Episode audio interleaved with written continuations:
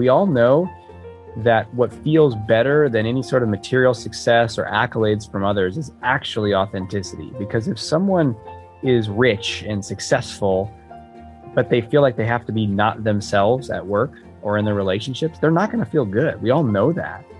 That was Dr. Aziz Gazipura, and you're listening to episode 278 of the Building Psychological Strength podcast, where we uncover the information, tools, and techniques to turn our mind into our most valuable asset.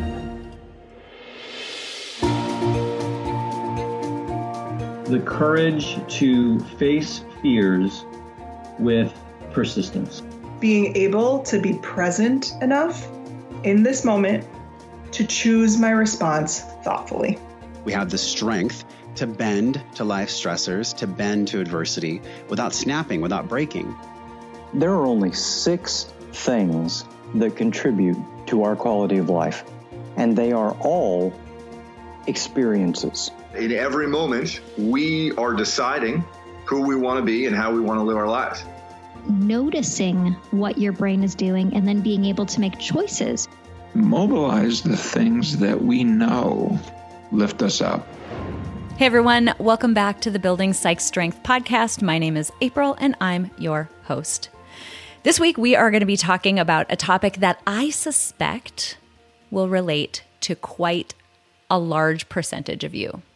Uh, funny thing is, you know, some of you might know, I live in the Minneapolis St. Paul area in Minnesota. And there is a saying in Minnesota that is, we are Minnesota nice, meaning we think about other people and we do the right thing and we be nice at all times. And today we are talking to someone who has written a book called Not Nice. Stop people pleasing, staying, staying silent, and feeling guilty it's an interesting topic because, you know, it's one that feels like it is very counterintuitive in the same way that when we talk about healthy selfishness and pathological altruism, those sound very counterintuitive. Like, how are you telling me that it's a good thing to be healthy? Why are you telling me that altruism is bad? And in the case of our guest this week, are you actually saying that we shouldn't be nice?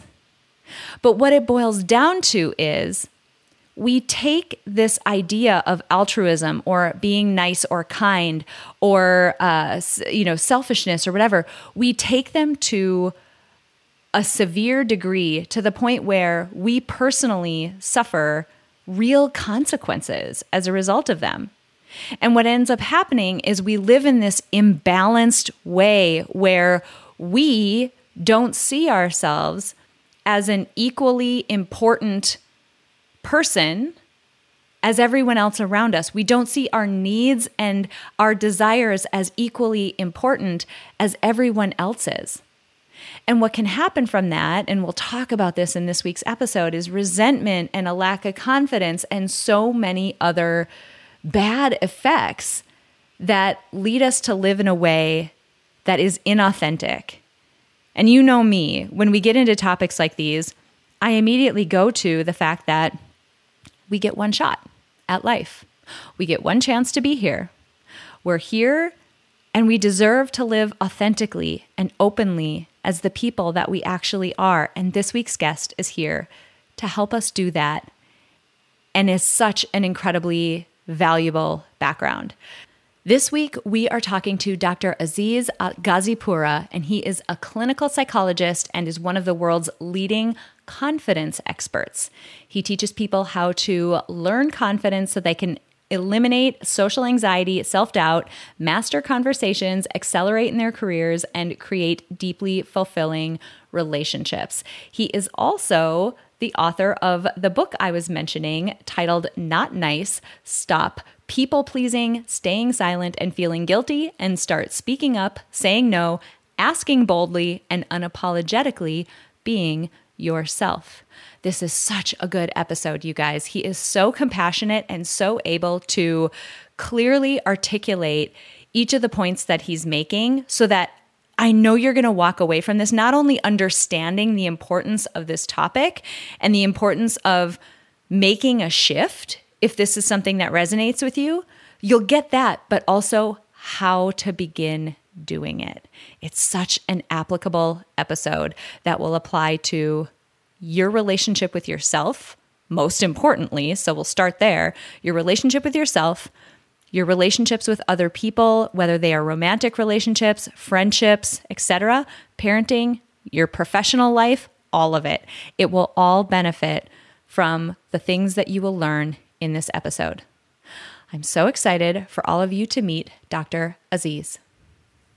Dr. Aziz, I'm so excited that you're here. I've been doing a bunch of research on you, and the work that you do is going to be of particular interest to this audience. So thanks so much for joining us. Yeah, thank you for having me. I'm excited to be here with you.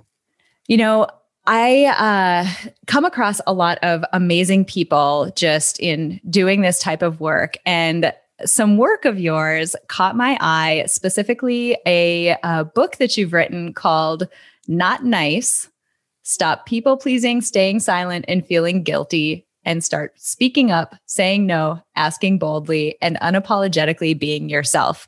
I wanted to just sit down when I heard that title because I'm like, can we just? Could we just? That would be incredible. Tell me, okay, the title is catchy, right? Tell me yeah. what you mean by not nice. Yeah, I love that. It's funny, the subtitle is a mouthful, and people will ask me, you know, what's the name of the book? I'll say, not nice. And then I'll say, stops, because I don't remember the whole subtitle. But um, I had a, a friend of mine who's, a, who's an author, and we were reviewing the subtitle, and he's like, this your subtitle is so fluffy. It was something like, you know, be you and be free or something. And he's like, say exactly mm. what they're going to get from this book. And I was like, well, they're going to stop doing this, this, this, and that and they're going to start doing this, this, and that. And he's like, yeah, that that's your subtitle. Amazing. So it really captures what being not nice is. And uh, the title is intentionally provocative because we've always been told, and most people have nice conditioning growing up that says if you don't have anything nice to say, don't say anything at all. Be nice. Don't don't don't do anything that upsets others. And uh, to be not nice is is is bad or wrong or a, a, an insult or a criticism generally. So I, I intentionally did that to uh, maybe strike through. And um, it's funny because uh, just this morning, I uh, not nice is by far my most popular book, and I've written a, a handful of others. But just this morning, I was sitting down to work on my next book, and uh, it's going to be called Less Nice, More You Mm. And uh, because that really captures that the opposite of being nice is not to be a jerk or to uh, be aggressive. It's truly to be more you, more authentic. Because a lot of people think nice means kind. And, and it might, there might be some overlap there. But often, if you really pay attention to nice, it's a very um, other focused, peacekeeping approach to maintaining relationships in the status quo.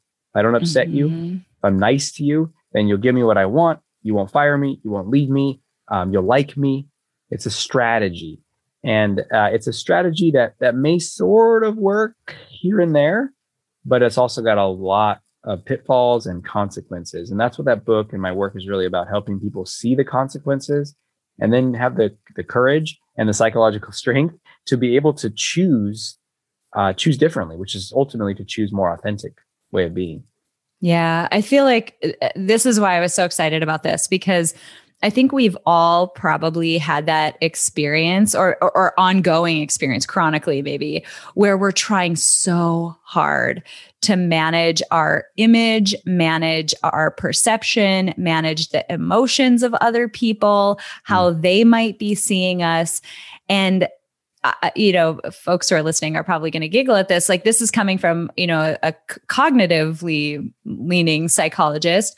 Like, that's exhausting. That is such a big use of what is a very limited amount of energy that we have in a day. So, only mm-hmm. from that, I mean, if you just look at that little piece of it, there's a lot of impact that comes from that. But can you go on, into a little bit um, when we're doing this, when we're trying to keep up that facade, manage our perception of for other people, get them to like us, get them to be happy with us, what are some of those outcomes that people might not be realizing? Because we do this nonstop all the time.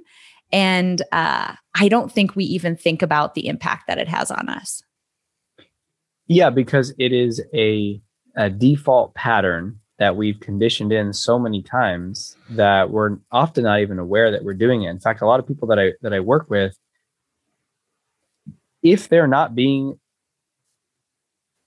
focused on the other person to to almost to their to their detriment. I know you you mentioned before this conversation about uh, pathological altruism. Like, yeah, what do you need? What do you need? Um, another word that I use for that is over accommodating.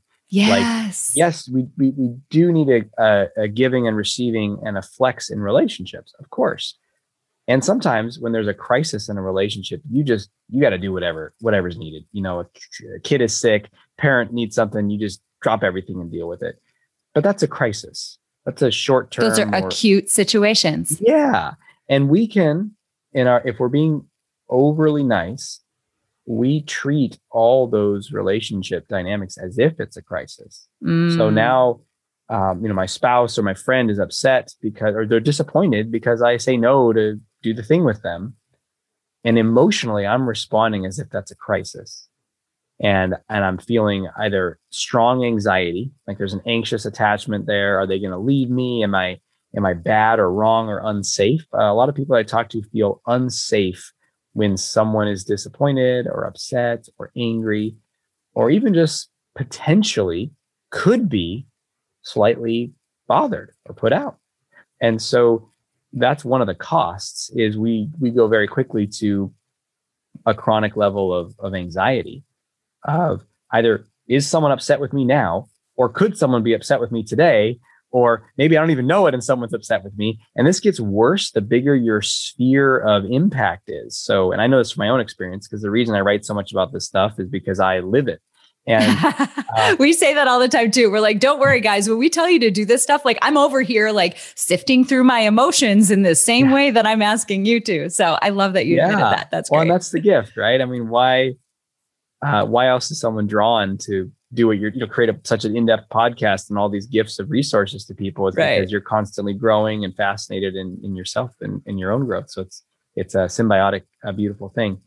And um, so when i'm uh, worried about maybe my family members or friends it's a bit of a contained circle but if you start to put your work out there like a podcast or a book or i mean now there's like thousands of people and that's a lot more people that could be upset with you or not like you and so um, some of the consequences of this overly nice way of being is we're anxious. We might limit our success or our impact because, well, the more people you reach, the more people are going to dislike you. Just numerically, that's just how it's going right. to work because you're touching more people.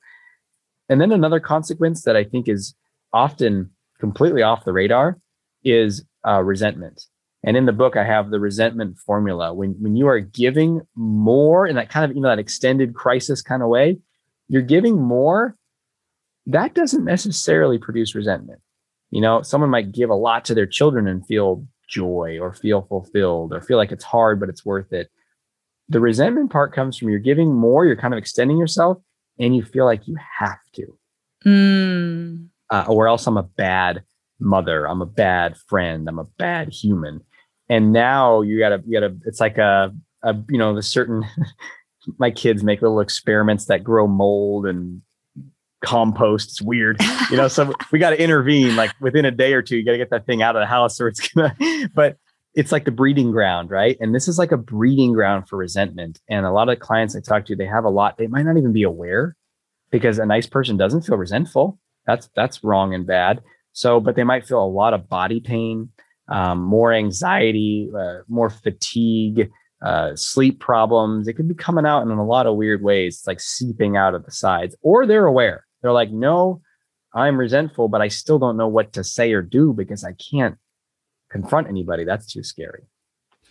That's an amazing connection, uh, the piece to resentment, because there's so much about these complex relationships and these complex, say, concepts that we talk about here that uh, it's easy to have a surface level understanding of them. Like, oh, I know what resentment is. Yep, got it.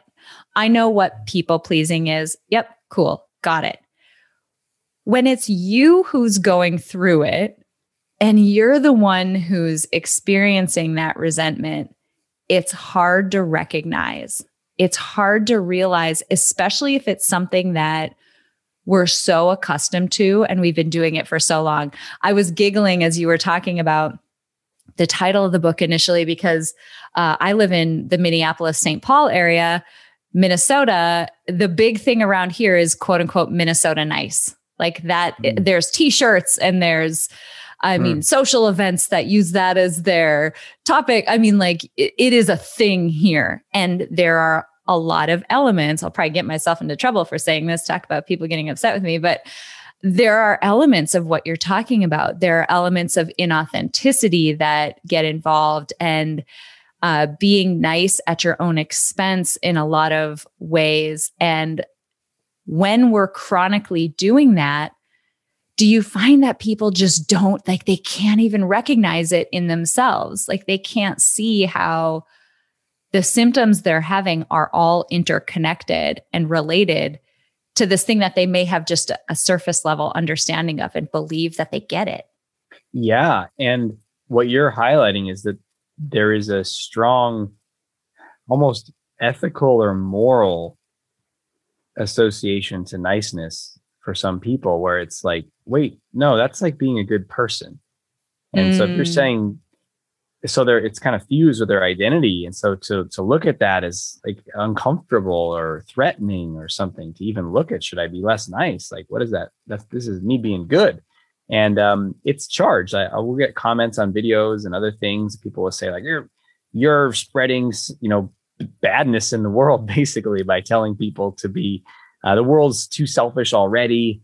You know people need to so it's a charged topic. So it's, it's kind of ironic too if if you speak out anyway against Minnesota nice, you you get attacked.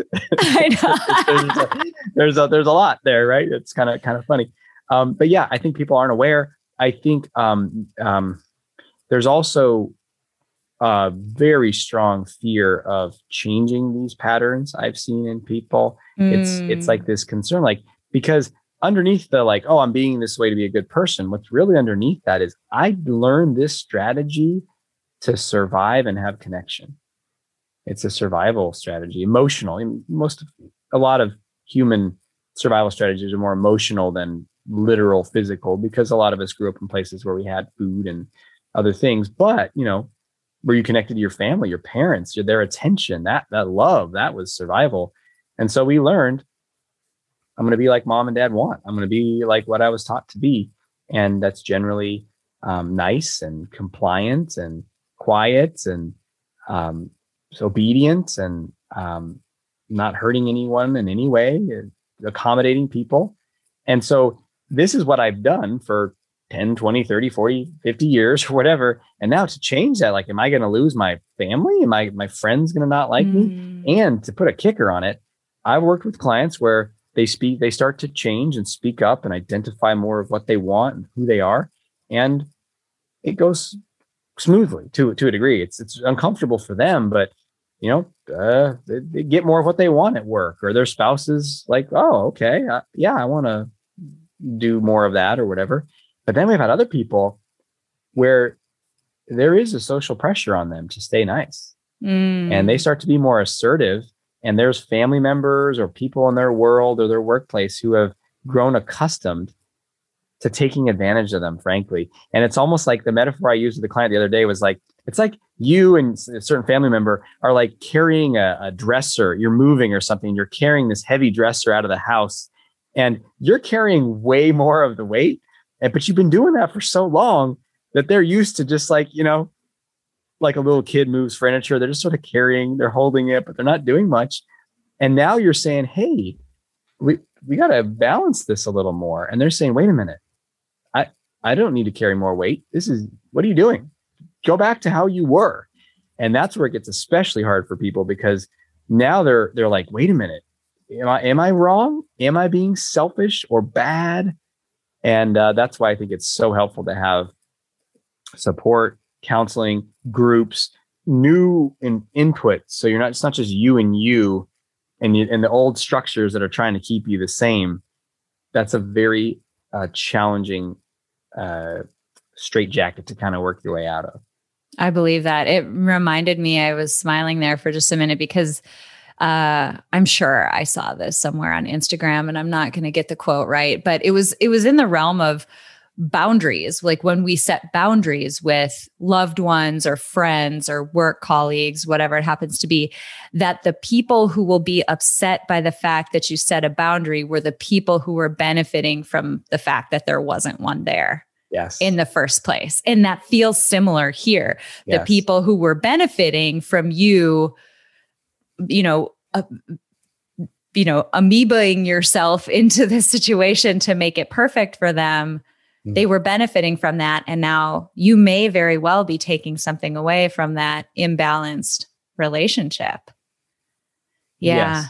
and and that's um when someone is calibrated maybe more accurately. When, when i what i mean by that is you're able to tell what is healthy selfishness or uh, healthy self-interest what is too much giving too much altruism too much you know self-denying in a way. Like over time with practice you can really calibrate and get a sense like oh, is that taking it too far? Hmm, maybe i should be a little more giving here and you have more choice.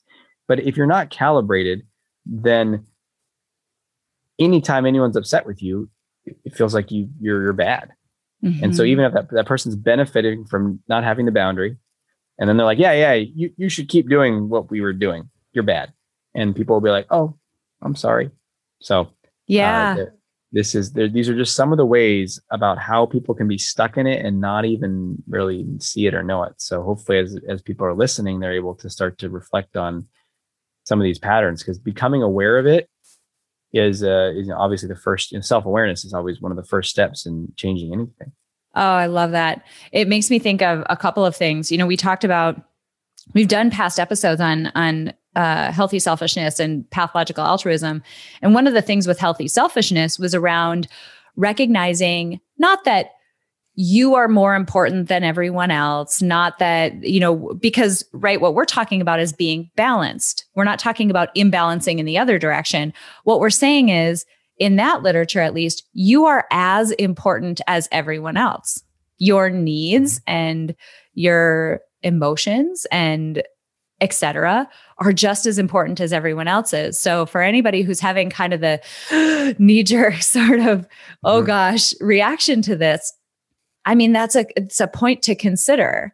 Are you as high up on that level of priorities? Because, and this relates to the second point that I wanted to make, we get in these situations where it is very imbalanced, where we're giving, giving, giving, where the resentment is building and building.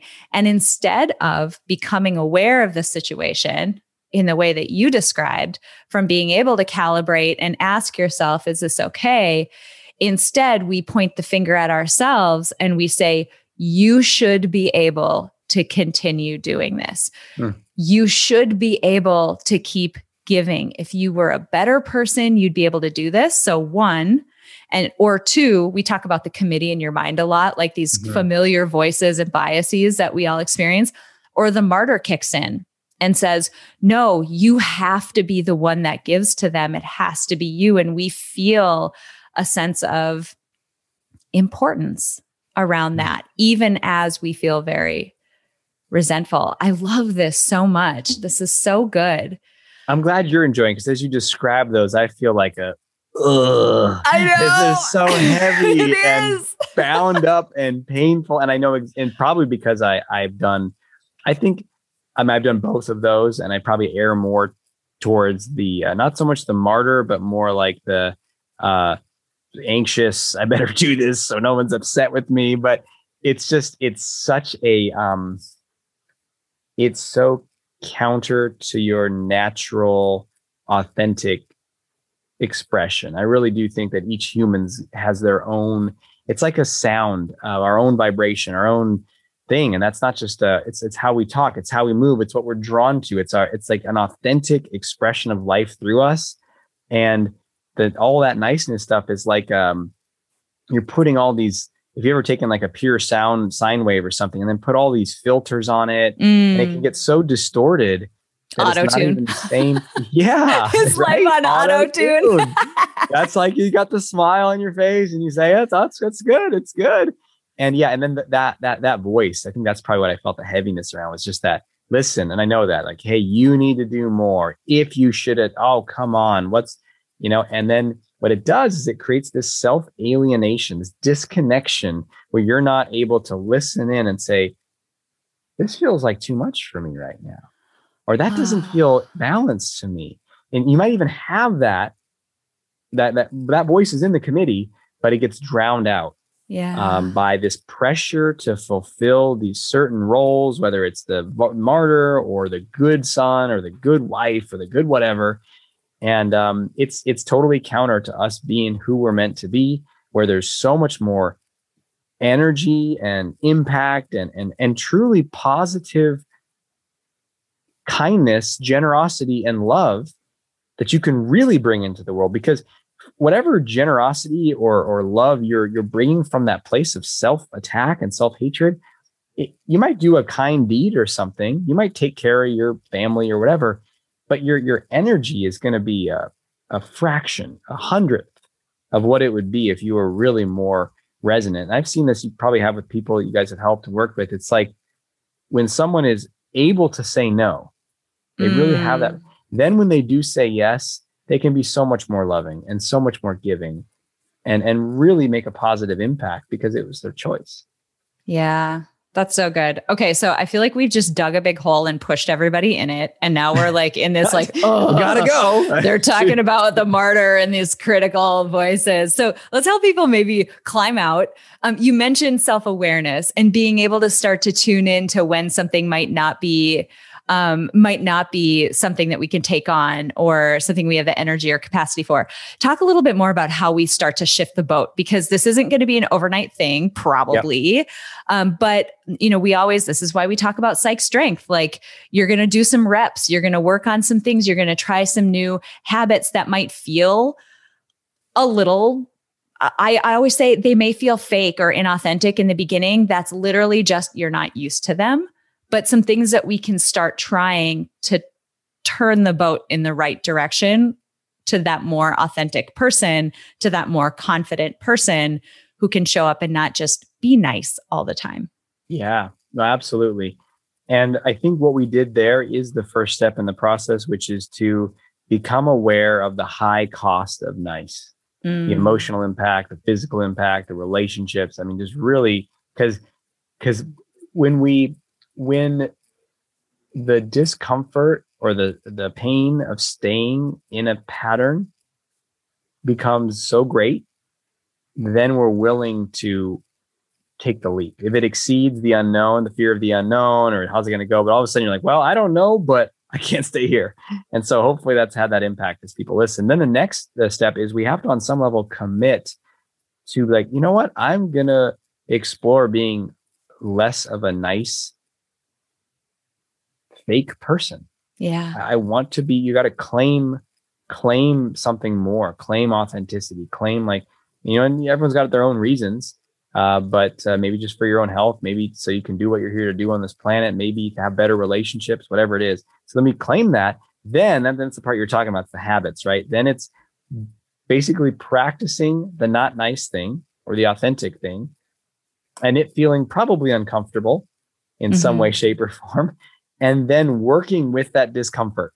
You know, I know you guys talk a lot about mindfulness and different ways to work with emotion. And Mhm. that's like we build up those tools, not say, oh, I'm never going to feel those things. So I'll just avoid it and stay nice. It's like, no, I'm going to do it. That means I'm going to say no to somebody.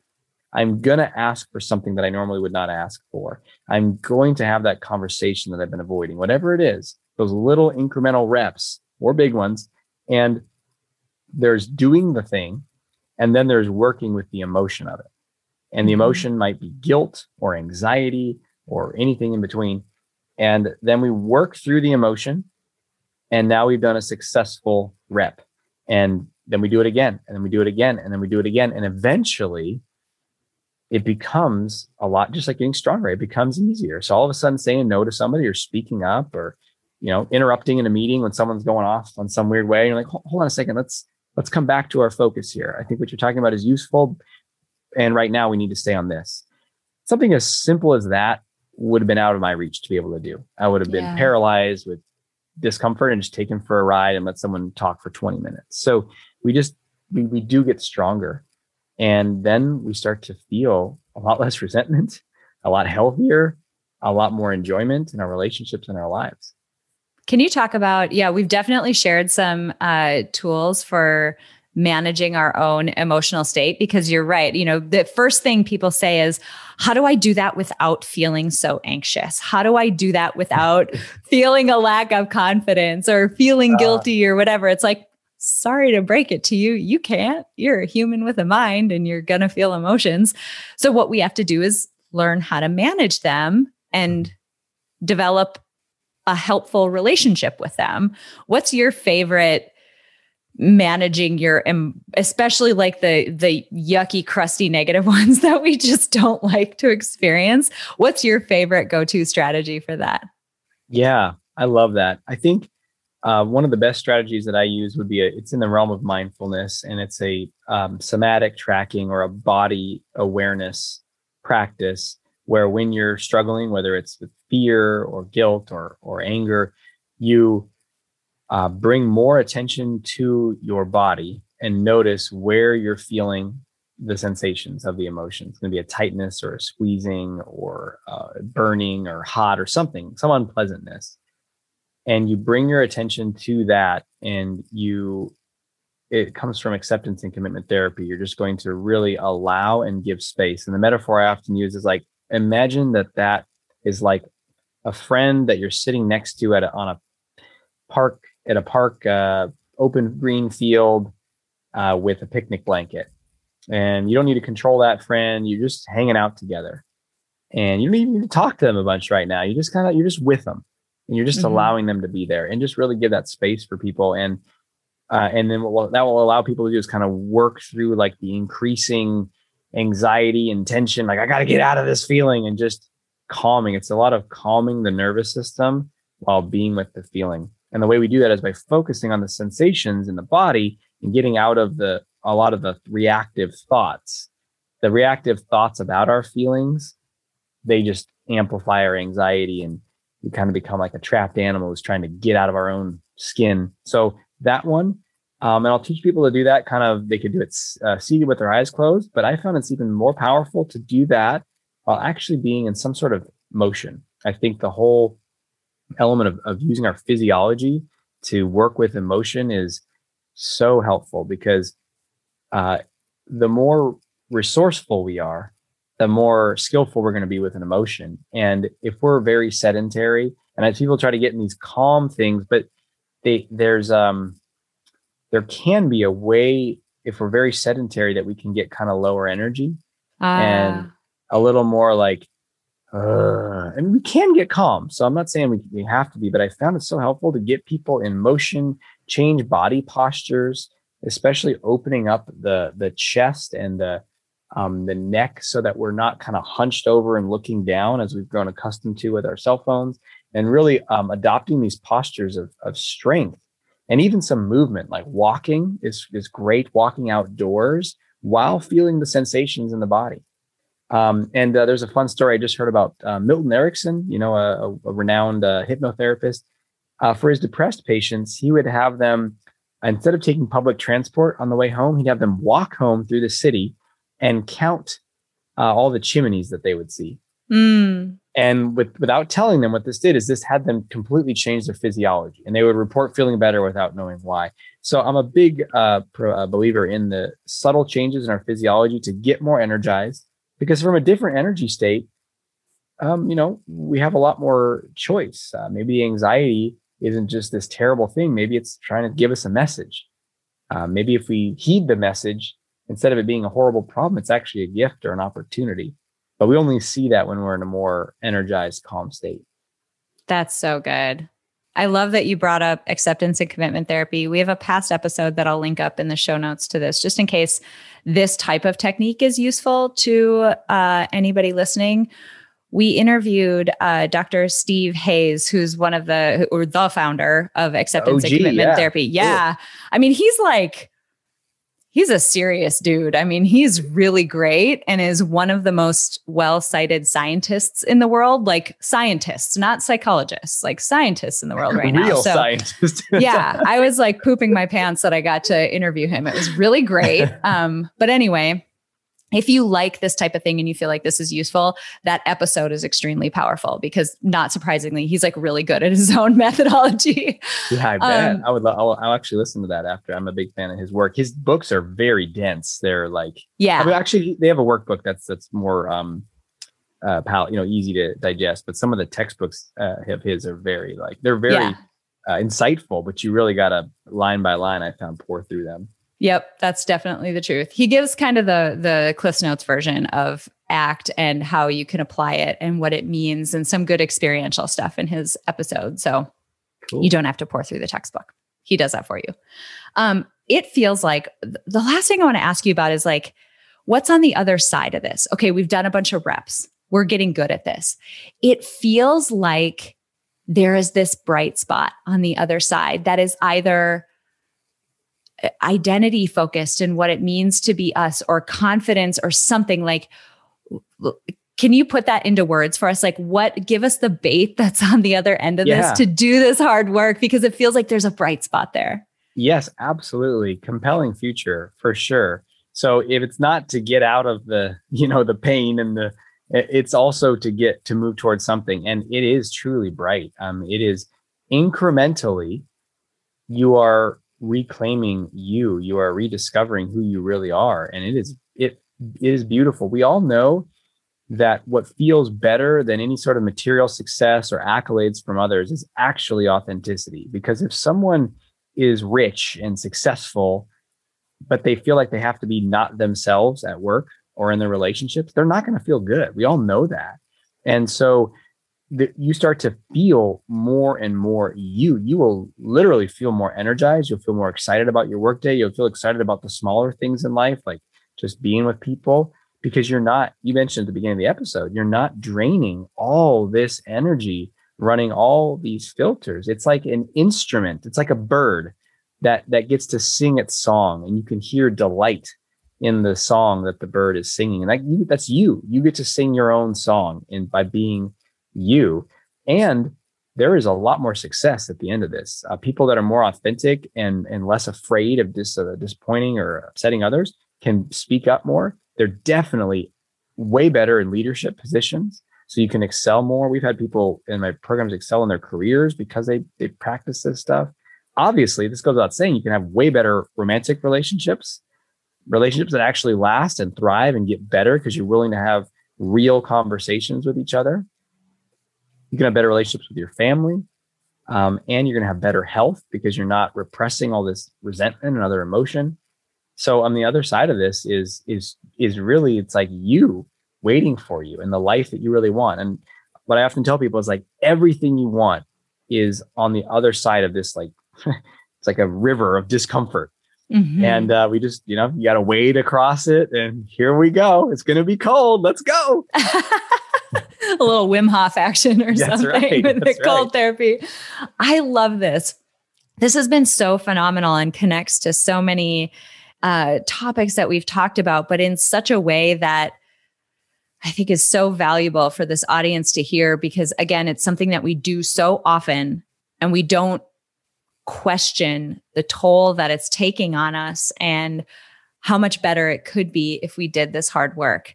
Um, where can people actually, before we go there, I got to ask you about your definition for psych strength because this is so connected. We've talked about so many aspects of topics that we've covered a lot on this podcast. I would love to know how you think about psychological strength. Yeah, I love that. So I would say psychological strength is our capacity to be with whatever unfolds in our lives and either be in a in a place of receptivity and openness and surrender with it or uh, regain that swiftly Mm, and so, yeah, maybe temporarily we fight it and we resist it, but we come back. I really believe the greatest strength is in surrender or submission to like the flow of life. And the more we can get into that, the more we can perceive what's needed. We can be skillful. We can be flexible. We can be guided. We can be lucky because we're really kind of moving with that. And I think everything stems from that. And so even if someone is like hearing this interview, I'm like, oh my gosh, I've been so nice. Oh no, you know, like starting with that's exactly where you need to be. Mm. You are exactly, you're hearing this at the exact right time, right when you need it. And the next step is going to be illuminated. And we just take that little uh, step of courage into that. Um, but I feel like that's where a greatest source of strength is going to come from because that also connects us. It's outside of me, right? It's like us and a we and a bigger and a bigger force. And I think that that's where uh, humans really draw their their greatest uh, qualities and strengths from. I love it. This is so good. People are going to want to know where to find you. Where can we find you? sure. Uh, so the simplest way is going to be my website, which is draziz.com, D-R-A-Z-I-Z.com. And uh, there they can find about my books. Um, pod, I have, a, I have a podcast as well called Shrink for the Shy Guy. Most, about 50% are, are women. So I named it long ago and I was like, well, we're not changing the name. Uh, Shrink for the Shy Guy. I have a YouTube channel as well. And you can find out about all of that as well as an ebook. Um, uh, five steps to unleash your inner confidence. That's that's free as well. So tons of free resources on the website, and um, I think uh, just based upon what you teach and the tools, element, and really practical stuff, I, I resonate with that a lot. So that people feel like they have stuff that they can do today to start making these changes. So it's not abstract; it's very uh, uh applicable. I love it. This has been so helpful and so uh, needed. We hear a lot from our audience around topics that uh, that just orbit this space. I mean, there's a lot wrapped up in it, and this has been so valuable to unpack this with you. You've delivered so much value in terms of just practical steps that we can take both in practicing this topic but as well as I mean, the ability to sit with emotions in every other aspect of our lives, whether it's it's you know stopping being nice that you're talking about or anything else, um, it's such a skill to develop. So I appreciate you taking the time to be with us today and for being so open and uh, amazing about sharing your expertise with us. Thanks so much. Oh, thank you so much. It was a pleasure to be here. I love it. It's a simple fact that nearly everyone in the world could benefit from building psychological strength. But not everyone will put in the time and effort to do so. But today you did. Thank you so much for listening to this episode of Building Psychological Strength. Now, if you're interested in building the mental toughness, confidence, and resilience you need to thrive through life's ups and downs, visit us at www.peakmindpsychology.com. Also, if there's someone in your life who could benefit from this episode, please share it with them.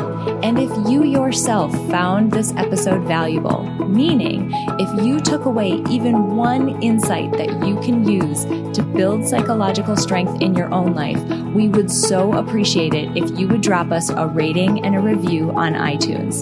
The thing is, the more ratings and reviews we have, the easier it is to get this powerful and important content out to the people who need to hear it. Remember, your mind can be your most valuable asset or your biggest liability, and you get to choose. So choose wisely, my friend. And I'll see you next time on Building Psychological Strength.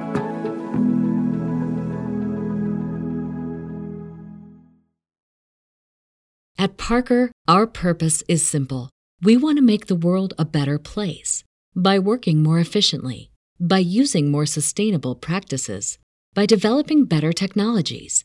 We keep moving forward.